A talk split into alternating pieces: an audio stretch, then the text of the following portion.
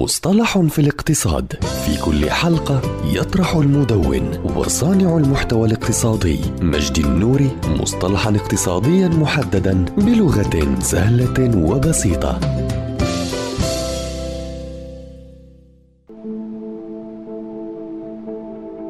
فائض القيمة. هو مفهوم استخدمه كارل ماركس في نقده للاقتصاد السياسي رغم أن ماركس نفسه لم يخترع المصطلح إلا أنه ساهم بشكل كبير في وضع مفهومه ويشير المفهوم بشكل تقريبي إلى القيمة الجديدة التي تنشأ بواسطة العمل غير المأجور من قبل العامل بناء على قيمة قوة العمل والتي هي من خصائص الأنظمة الرأسمالية وقاعدة الربح لها وهكذا يكون فائض القيمة هو أساس تراكم رأس المال. وقد تلخص حل ماركس في التمييز التمييز بين القوة العاملة ووقت العمل المنجز، فالعامل المنتج بالقدر الكافي من الممكن أن ينتج قيمة أعلى من قيمة تكاليف توظيفه، وعلى الرغم من أن أجره يبدو مستندا إلى ساعات العمل، إلا أنه اقتصاديا لا يعكس القيمة الكاملة لما ينتجه العامل، وبشكل أوضح لا يبيع العامل العمل بل كفاءته وقدرته على العمل.